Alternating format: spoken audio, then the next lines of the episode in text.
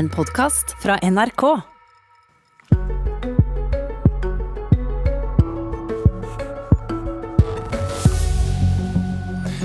Det satses godt på toppen av norsk helsevesen. Nesten 200 sjefer tjener mer enn helseministeren. Uhørt, mener Senterpartiet å legge skylda på en sykehusorganisering de vil avskaffe.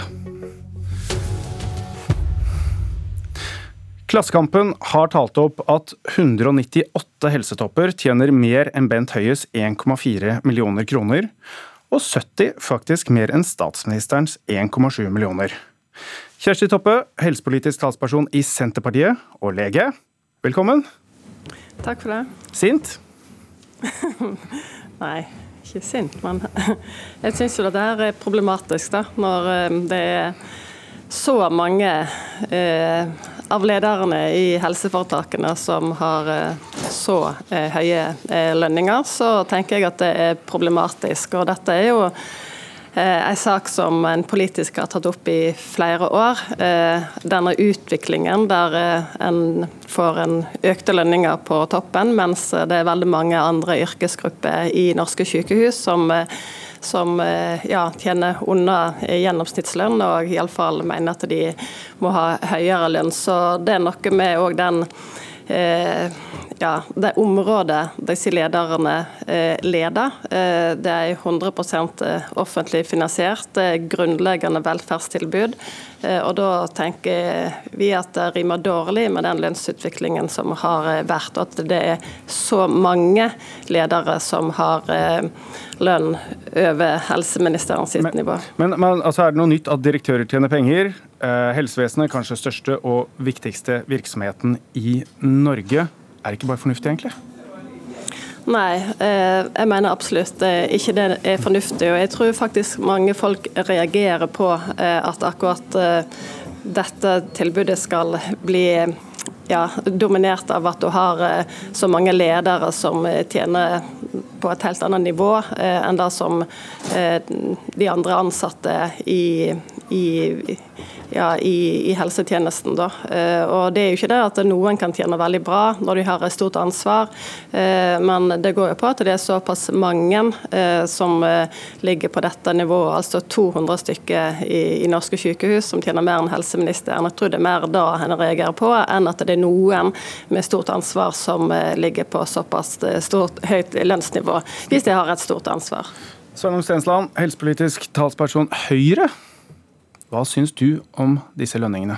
Vi har mange utfordringer i norsk helsetjeneste. At vi har mange direktører er ikke den største utfordringen vi har. Men klart vi har noen tilfeller på lønninger som kanskje er litt umusikalske. Samtidig så må vi ta inn over oss at noen av disse helseforetakene er de største virksomhetene vi har i Norge. Det er store bedrifter med svært mange ansatte og stort ansvar. Det er den ene siden av det. Og den andre siden er at rekrutteringsgrunnlaget for mange av disse stillingene er jo folk som allerede har godt betalte jobber eh, i klinikken eller i andre deler av eh, samfunnssektorer. Så spørsmålet er jo om vi vil tiltrekke oss eh, gode ledere i disse virksomhetene som er så viktige for, for Norge, og som også har tjent oss godt. Og vi har jo nå vist gang på gang at dette, denne helsetjenesten fungerer godt. Du, du syns det er fornuftig? Nei, eller jeg, jeg syns ikke alle enkelttilfellene har ikke jeg sett på, men at du har en så høy lønnsdannelse er ikke nødvendigvis bare bra. Men i noen tilfeller så er det ikke vanskelig å forstå at en person ikke vil gå ned i lønn for å påta seg et større lederansvar, noe som eh, har vært eksempel i mange tilfeller. Nå har vi sett gjennom pandemien nå, så har vi sett at eh, man har snakket mye om intensivsykepleiere. Det har gjort at Norge må holde stengt kanskje lenger, fordi man, helsevesenets kapasitet er begrensa. Det har ikke vært så mye snakk om at man mangler ledere. Tenker du da om at du ser helseforetakene er gode til å rekruttere ledere, gi lønn, men man klarer ikke å rekruttere nok kritisk helsepersonell? Det er de samme helseforetakene som har ansvaret for det. Nå har vi heldigvis vesentlig flere sykepleiere, intensiv- intensivsykepleiere, alle typer helsepersonell, enn vi har ledere i disse helseforetakene. Det er ikke noe tvil om. Nei, vi, har, altså, vi har 26 lokale helseforetak og fire regionale helseforetak, som til sammen har flere hundre tusen ansatte som skal styres. Så dette er virkelig store bedrifter. Eh, så- En av deres viktigste oppgaver er faktisk å rekruttere kritisk helsepersonell, og det er det jo mangelvare. Men det er en politisk oppgave å sørge for Er ikke det et paradoks? Jo, absolutt. Men det er At de faktisk- klarer å rekruttere ledere, men men ikke da bør du heller kritisere meg som helsepolitisk statsperson i Høyre, for det er et politisk ansvar å sørge for at vi utdanner norsk helsepersonell. Eh, Det er et politisk ansvar å sørge for at vi får god rekruttering. Det er en helt annen diskusjon, og der har vi vært de første til å innrømme at vi trenger mer helsepersonell. Derfor har vi utvida utdanningskapasiteten for de aller fleste helsefagene, og vi har også ansatt betydelig flere helsepersonell de siste årene enn vi har hatt før. Pasientbehandlingen i Norge går opp, antall konsultasjoner går opp, og ventetidene går ned. Så hvis du, ser, hvis du måler helsetjenestene på hva en faktisk leverer, så går alle pilene i rett retning. Flere blir behandla, og behandlingen er bedre enn før. Da fikk du sagt det også nå. Eh, Toppe, eh, dere har et grep. Ganske stort grep. Som dere vil gjøre med helseforetakene. Og som dere mener vil løse mange av disse problemene.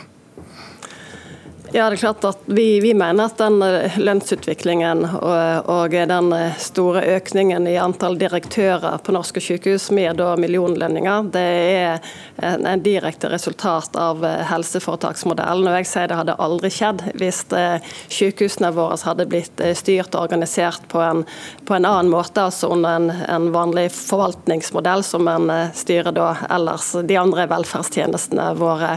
Og jeg kjøper jo ikke den forklaringen at en er nødt til å eh, gi mye høyere lønn til ledere eh, for å klare å rekruttere, når vi står mangler 28 000 sykepleiere i 2035 og har stor manko nå. Altså det, det hører ikke hjemme i denne diskusjonen. Jeg kan ikke forstå at eh, en må gå opp i såpass eh, høyt lønnsnivå for å klare å få folk med riktig kompetanse. Det er også snakk om ikke bare de øverste ledere, men det er sånn som økonomidirektører, kommunikasjonsdirektører osv. som er på dette her. Men iallfall, dette er en uting med helseforetaksmodellen. Eh, og det, vi ser òg at eh, på tross av at de derfra. Siden det er en uting, hvor sterkt er kravet nå? Skal de avvikles i, hvis dere går i regjering?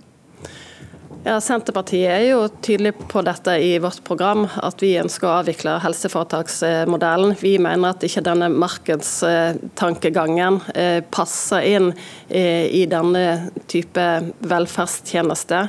Eh, og dette med antall direktører og, og, og lønninger er jo en del av det som vi mener ikke hører hjemme. Og der vi kunne organisert og finansiert tjenester på en billigere og bedre måte. Vi ønsker å erstatte dette med en forvaltningsmodell eh, for norske sykehus. og Det går vi til valg på. Det er det vi da prøver helt sikkert å forhandle om eh, når den tid kommer med de andre partiene. Ja, for dere sitter og forhandler nå. Og, ja, vi sonderer vel nå. ja, dere sonderer, og det er snakk om det skal over i forhandlinger, formelt sett. Vil det si at uh, dere kan ikke sitte i en regjering som styrer på helseforetaksmodellen hvor de består?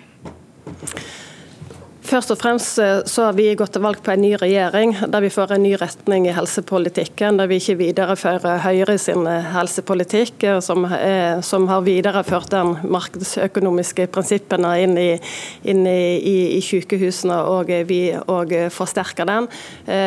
Så har jo vi vårt program, og vi er klare på hva som er våre løsninger. At vi vil erstatte helseforetaksmodellen. Vi vil ha en annen type finansiering der det ikke er så der vi rammefinansierer istedenfor stykkprisfinansiering, der vi vil skille finansiering og drift.